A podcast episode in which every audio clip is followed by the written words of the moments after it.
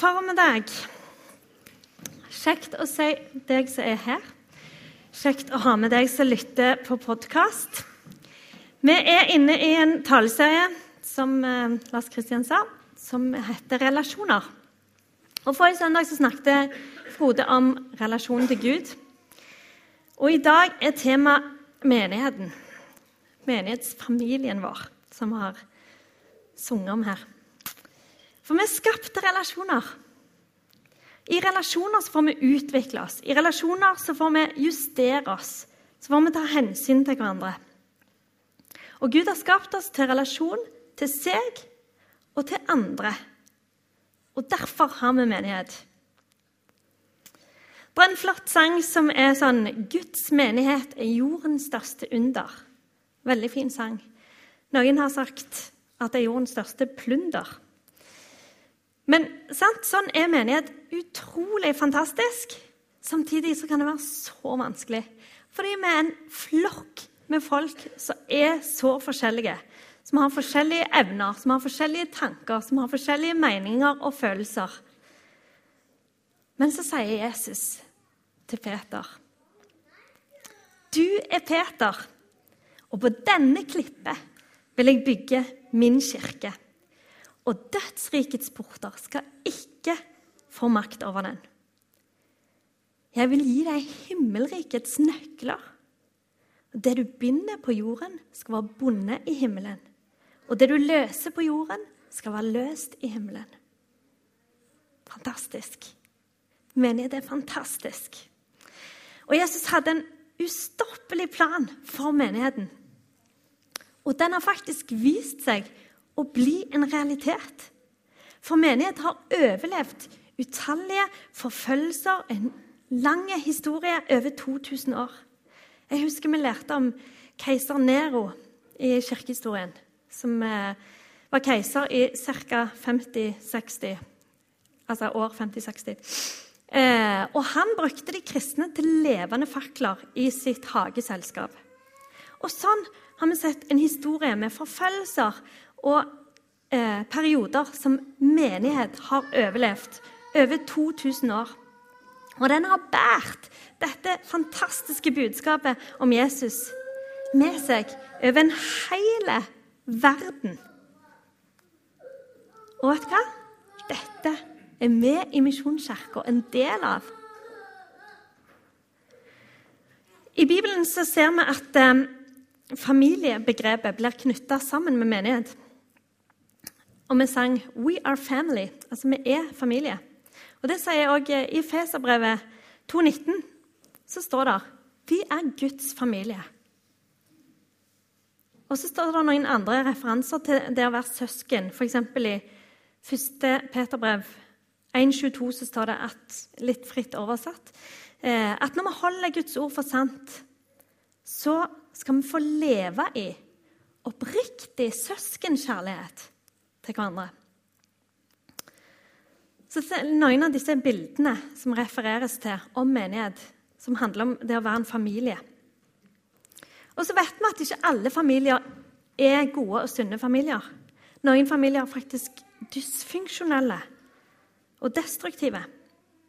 Men sånn det, hvis vi tenker sånn det er meint, som en god og sunn familie, så gjenspeiler det òg Guds fantastisk gode tanker om det med menighet. For menigheten trenger oss, og vi trenger menigheten. I en sunn og god familie så elsker vi hverandre. sant?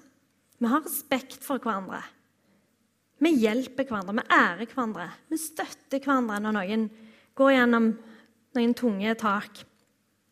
Vi lytter til hverandre. Vi oppmuntrer hverandre, vi heier på hverandre, og ikke minst vi tilgir hverandre.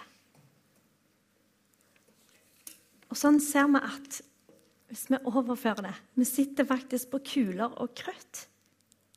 Jeg tenker at jo mer det går opp for oss at vi er en familie med verdens beste skatt som vi skal få lov til å dele med folk. Når det begynner å gå opp for oss, så tror jeg vi begynner å få se at det kommer til å skje store, fantastiske ting. For sololøp i denne sammenheng, det funker ikke. Det hjelper veldig lite at pastor Frode taler fantastisk hvis ikke det er noen til å ta imot nye. Hvis ikke alle oss andre er i funksjon. Det er ikke et sololøp. Vi er avhengige av hverandre. Sånn som en god og sunn familie, så er vi avhengige av hverandre. Når jeg var seks år gammel, skjedde det et mirakel i familien Paulsen, min familie. For far min, presten, han lot seg faktisk rikke utfor fylkesgrensen. Helt til England, faktisk. Og i juli 1983 så satte vi oss i bomma. Jeg vet ennå ikke helt hvorfor det heter bomma, men det er nesten bomma. Sannheten er den at eh, jeg innser at jeg er såpass gammel at denne ferieturen fins bare på lysbilder. Så det å, det å finne bilder av bomma var litt vanskelig, men det er en sånn en, bare grønn en. Og alle sant, gleder seg vilt til denne turen. Selv om jeg så en sånn liten bekymring i ansiktet til både mor min og far min. For det var nemlig meldt vind. Og det var meldt mye vind. Og bare for å illustrere, Året før så var vi på ferie i Vrådal. Og Da hadde vi leid en robåt på en sånn klar og fin solskinnsdag og rodd ut. Og ikke før vi hadde rodd ut på vannet, så måtte vi snu, for da var mor min grønn i fjeset, og far min var likbleik. Og dette var en fin solskinnsdag. Du aner kanskje hvor dette bærer hen. Men mor og far var altså skikkelig fornuftige og ansvarlige foreldre. Og sånn sløsing og luksus og sånn, det var ikke noe vi drev med. Samtidig så mangla vi aldri noen ting. Men derfor hadde de fått en skikkelig tilbud på en god lugar ikke sant? til hele familien. Knallbillig. Et skikkelig bra kjøp, et skikkelig røverkjøp, for det viste det seg faktisk å være. For vi hadde ikke engang omtrent kommet om bord og begynt å se i de taxfree-butikkene før det begynte å gynge. Og det gyngde ganske fort, ganske mye mer. Så vi fant ut at vi måtte bare komme oss ned til lugaren. Jeg bare gjentar ned til lugaren. For dette, dette røverkjøpet det besto nemlig i den lugaren som var helt lengst nede og lengst framme i båten. Jeg skulle hatt en sånn båt for å illustrere her nå, men se, dere er med på liksom fysikkens lover når det gjelder båt og gynging. Hvor gynger det mest hen? Jo, der. Um, så det var et fantastisk røverkjøp. Eh, og når vi kom ned der, så lå jo broren min der allerede. Mor min lå der allerede.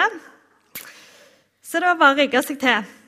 Og igjen denne gode, sunne, fornuftige, økonomiske sansen som mor og far hadde. Vi var jo en familie på fem, men vi trengte jo ikke fem senger. Vi kunne jo klare oss med fire. For meg og mor min delte jo lett en seng. Ikke sant? Og det høres jo veldig fornuftig ut helt til disse høye bølgene begynte å bli høyere og høyere. Og nå er det sånn at Jeg alltid har fått høre at disse bølgene de var 20 meter høye. Helt til jeg fant ut nå i uka at det går ikke an. For, for at eh, jeg leste om en båt som måtte nødlegge til havn pga. åtte meter høye. Og da var rutene knust, og det var mye galt som hadde skjedd. Så det kan faktisk ikke vært 20 meter, selv om mor min må ha følt det, siden hun alltid har sagt det. Så var det vet ikke jeg, fem-seks meter, jeg aner ikke. Høye bølger, iallfall. Eh, og da skjedde det som måtte skje. Og bare for å prøve å si det på finest mulig måte, så legger jeg inn litt sånn medisinsk språk her. Det var nemlig sånn at Peristaltikken den snudde raskt retning. For dere som ikke vet hva det betyr, det betyr alle fem kaster opp. Og far min kom seg aldri opp i senga, så han lå på badegulvet hele turen.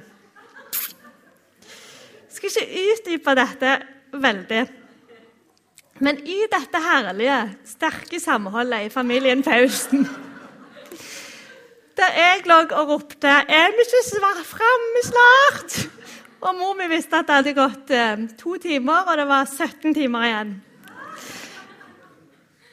Men midt inni dette så kommer det en sterk bønn fra bror min. Far, du må holde en andakt!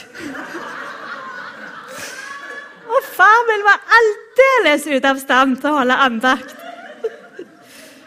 Og dermed var jo krisen komplett. For vårt trygge bautaledd i familien hadde sviktet oss totalt. Tatt av fysikkens lover og lå helt utslitt på gulvet. Uten å kunne hjelpe oss med noen ting. Ikke engang en andakt. Åh, til slutt så sovna vi, alle fem.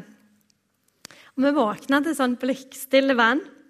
Sol ved kysten av England. Kanskje ser dere at vi ser litt slitne ut. Vet ikke. Ehm, men vi hadde en fantastisk ferie. Der vi ungene vi brukte mye tid på å be om fint vær på veien hjem. Og mor mi gikk hele uka og var nervøs for at vi ikke skulle få bønnesvar. Hvordan det skulle gå med troa vår. Men vi fikk det, altså. Vi fikk eh, kjempefint vær på veien hjem. Og da satt vi ungene på båten og sang 'Hvilken mektig Gud vi har'. Sant? Se det for dere. Ja da. Og jeg kunne fortalt mange rare ting som jeg har opplevd på denne turen. Det skal jeg ikke gjøre. Men poenget er at eh, vi er en familie som trenger hverandre. sant? Vi er avhengige av hverandre i en familie. Eh, og Det er sånn med menigheten òg. Vi trenger menigheten, og menigheten trenger oss. Og Vi står sammen både når er, vi er på høyden, sant?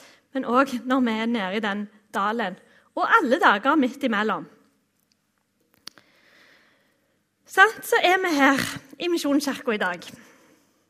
En fin gjeng i forskjellig alder, forskjellige meninger, forskjellig bakgrunn, forskjellig hårfarge, bilmerke, skostørrelse You name it.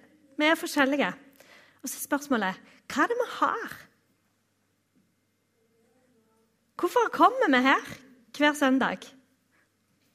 Hvorfor står vi opp søndag etter søndag og kommer her og er sammen her? Og Det er det sikkert mange gode svar på. Vi har lyst til å minne oss i dag om at jo, vi er faktisk en familie. Sant? Vi har noe sammen her. Så når Andreas Homsø med skostørrelse 50 Knut og Bjørg Larsen sitter på venstre side midt i. Greta, Homsten, Greta Vorsø Berg, som alltid er like salig og blid, og elsker å kjøre biler, som for all del ikke må gå for seint.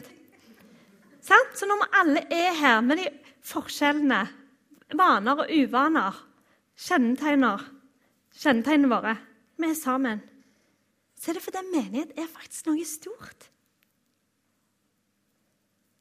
Vi er sammen om noe, nemlig Jesus død og oppstanden for hver en av oss.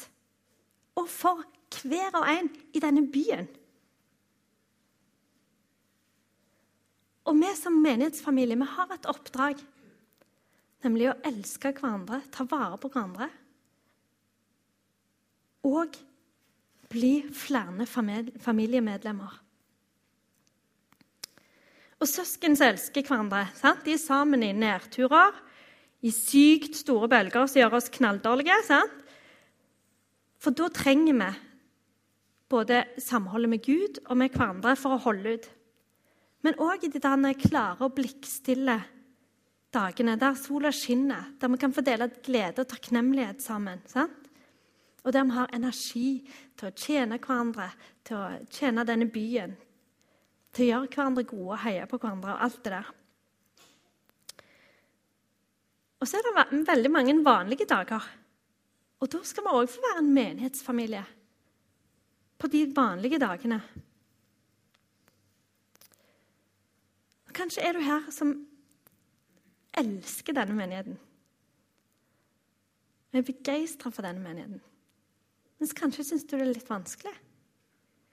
Kanskje du har opplevd at det har blitt sagt ting eller gjort ting som har gjort deg skuffa. Jeg har lyst til å be deg i dag om å ikke la det definere menighetsfamilien. Men bli med meg og se på hva potensialet som faktisk ligger i dette. For menighet er faktisk det vakreste, det sterkeste, det mest kraftfulle Gud har skapt. Så hvordan kan menighetsfamilien bli? Hvordan kan det se ut? Hvis vi tar Bibelen på alvor og lar Jesus få gjennomsyre alt vi er og gjør, med sin kjærlighet, så tror jeg at menighet blir et sted der vi springer til når vi har fått bønnesvar, for å dele gleden med de andre. Samtidig så jeg tror det er et sted der vi springer til når vi føler at vi er i fritt fall utfor stupet og vi trenger noen til å ta imot oss. Og Da kan vi òg få komme med senka skuldre på de vanlige dagene og få være oss sjøl. Og få være den vi er skapt til å være, uten å føle at det, de andre forventer noe annet, eller at jeg burde vært sånn eller burde gjort det. Men få være oss sjøl.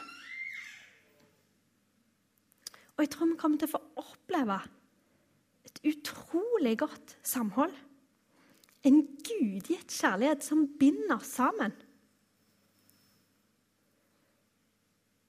Og jeg drømmer om at vi skal være en menighet som tør å invitere hverandre inn i livene til hverandre.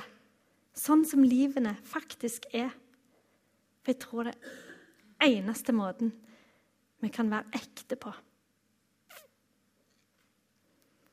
Og da kan vi få trøste hverandre, da kan vi få oppmuntre hverandre, vi kan få heie på hverandre, vi kan få bære hverandres byrder. Og vi kan få, sammen få lov til å oppleve Guds fred, som er noe av det sterkeste tenker jeg, som vi kan oppleve.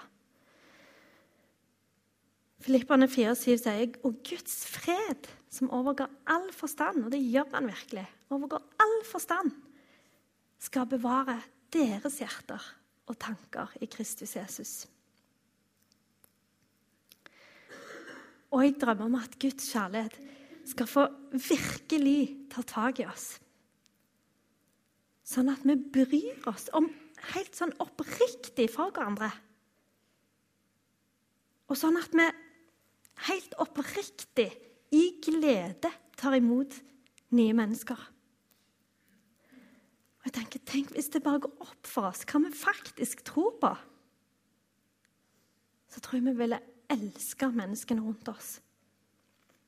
Og jeg tror vi får oppleve at vi begynner å drømme og ønske at menneskene rundt oss, naboer, kollegaer, venner, familie, skal få oppleve det samme samholdet og den samme kjærligheten.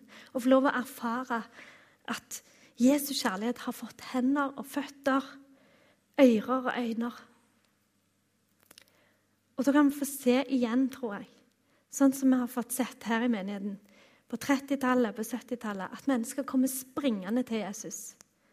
Og selvfølgelig vil det se annerledes ut i dag. Men tenk hvis vi får kunne høre, istedenfor å høre møtelederen si at det, trekk fram sånn at det er lettere for de nye når de kommer bak. Tenk så en heller begynner å si Klarer dere, så presser dere litt mer sammen, så vi får plass til flere. Sånn? Når det begynner å bli trangt.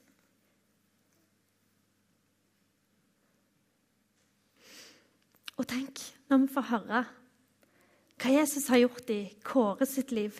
Fordi Andreas Homsø med skostørrelse 50 gikk den ekstra milen, ikke fordi han kan gå syv mil skritt, men fordi han faktisk så at Kåre trengte at han gikk den ekstra mil med han.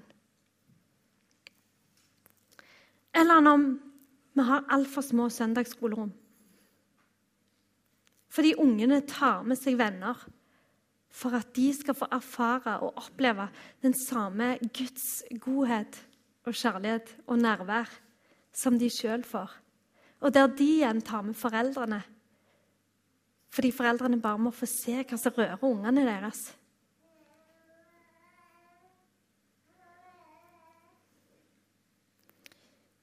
Jeg tror at vi kan få oppleve at det kan være kø langt ned i sentrum her for å komme inn her. Når Jesus får skikkelig gripe oss med sin nåde. Og vi som en frukt av det igjen begynner å elske hverandre inderlig som søsken. For det står det faktisk i Romerne 12,10. Elsk hverandre inderlig som søsken. Sett de andre høyere enn deg selv. Jeg har lyst til å gi oss noen steg på veien, for jeg tror nemlig at dette er fullt oppnåelig. Jeg tror Gud vil dette. Og Det første steget jeg har lyst til å ta fram, er lag god plass.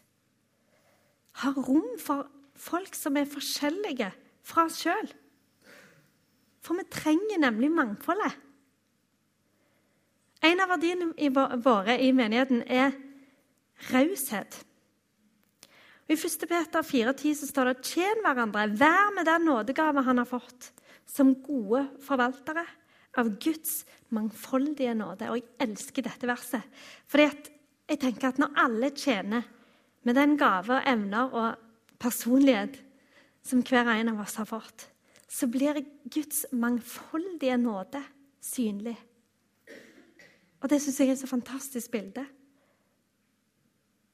Sant? Vi må lære å tåle hverandre. Vi må lære å sette pris på hverandre med de forskjellene vi faktisk har. Raushet? Jeg fikk nettopp høre Jeg heter Sunniva Gylver, gjerne kjent for mange. Prest eh, i Oslo forfatter, gjort masse. Hun talte nettopp et sted der jeg var. Og Hun fortalte om et eh, fenomen eh, blant ungdommene i Oslo som de kaller for blikking. Og Det er ikke et fenomen som bare fins i Oslo. Men det bare at vi bruker et annet ord på det, nemlig det med å himle med øynene. sant? Eh, for blant ungdommene ser vi det gjerne tydeligst. Men jeg tror òg vi voksne er gode på det å himle med øynene når ting er ikke sånn som vi liker det. Sant? Eller når folk ikke følger med og gjør det kule og rette. Eller, sant? Og, å, så teit, sant? Selv om ikke vi gjør det på den måten som ungdommene, så tror jeg vi kan være like gode på noe tilsvarende. Men hun Sunniva Gullvar, hun kom med et sånn motbegrep. En motpol til dette med blikking, det med himle med øynene. Hun sier det. Vi må begynne å møte hverandre med nådeblikk. Ikke sant? Det betyr at vi må vise Jesu blikk. Vi må se hverandre med Jesu blikk. Med den nåde som vi har fått, og som han har for alle. Med kjærlighet, sant? Det er et kjærlig blikk. Det er et blikk som tåler, som tilgir, som er raust.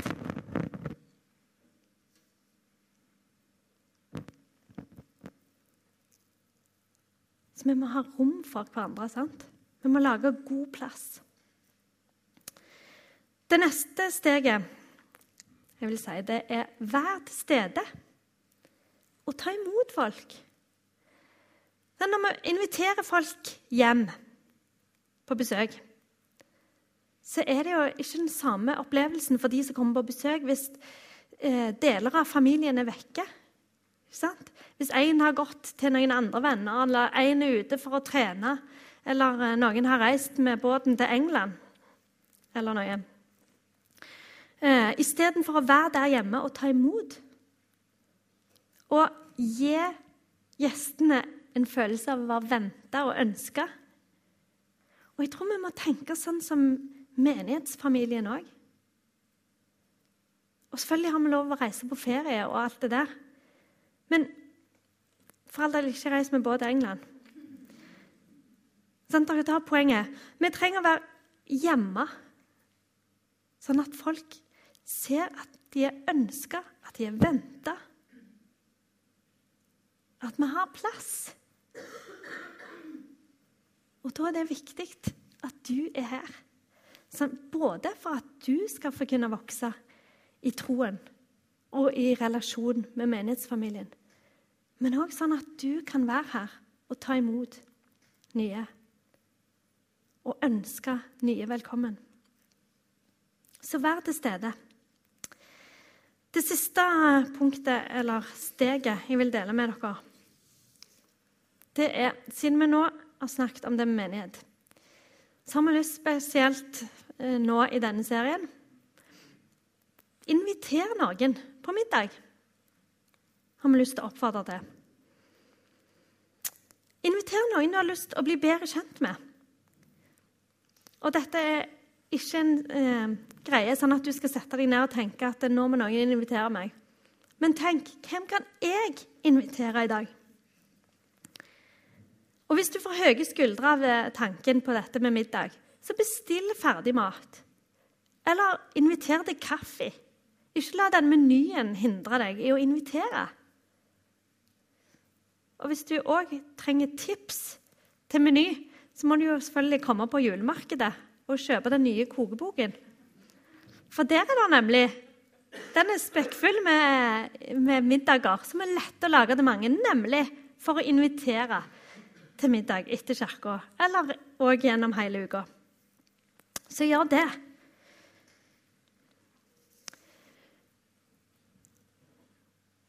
Skal jeg gå mot avslutning?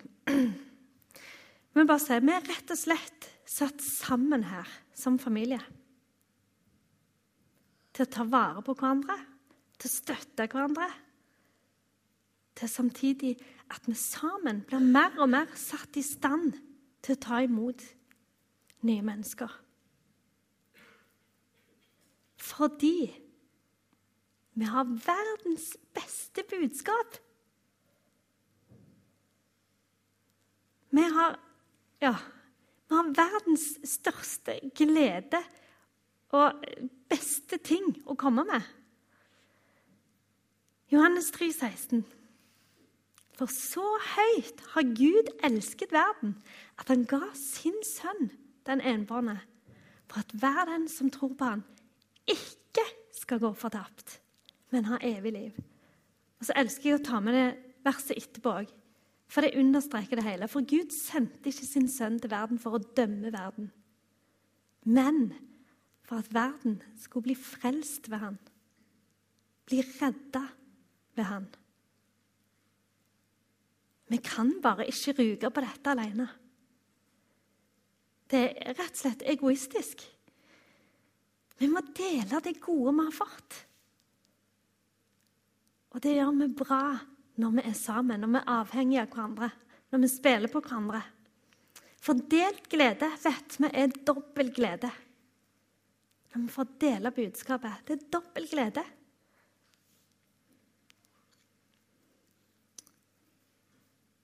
Jeg skal be en bønn til slutt.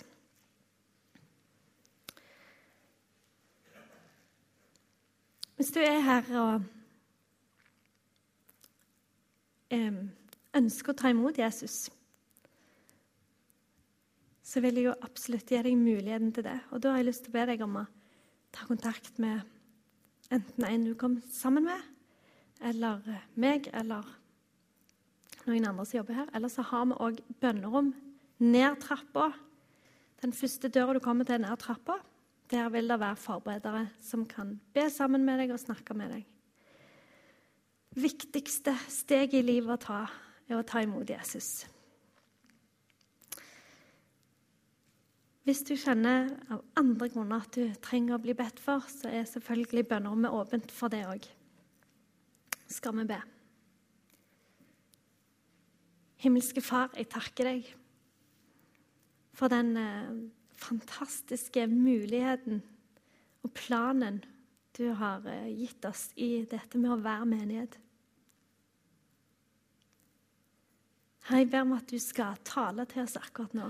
Jeg ber om at du skal møte oss akkurat nå. Herre, du ser eh, alle som elsker menigheten. Du ser alle som er skuffa. Du ser sår. Du ser alt, Jesus. Og jeg ber om at du skal komme inn med legedom der det trengs. Jeg ber om at eh, du skal knytte oss enda sterkere sammen i din kjærlighet. Jeg ber om at du skal gripe oss med din nåde, som du aldri har grepet oss før.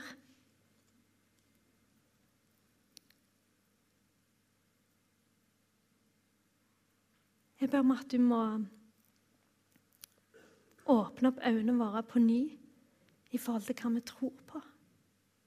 Hva dette budskapet handler om. Hva det betyr. Hva slags livsforvandlende sprengkraft det har.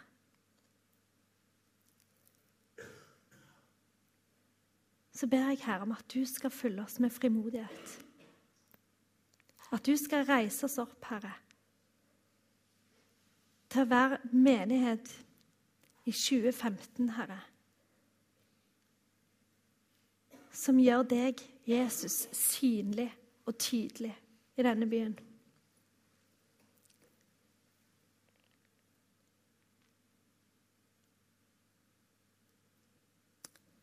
Kom med din ånd, Gud.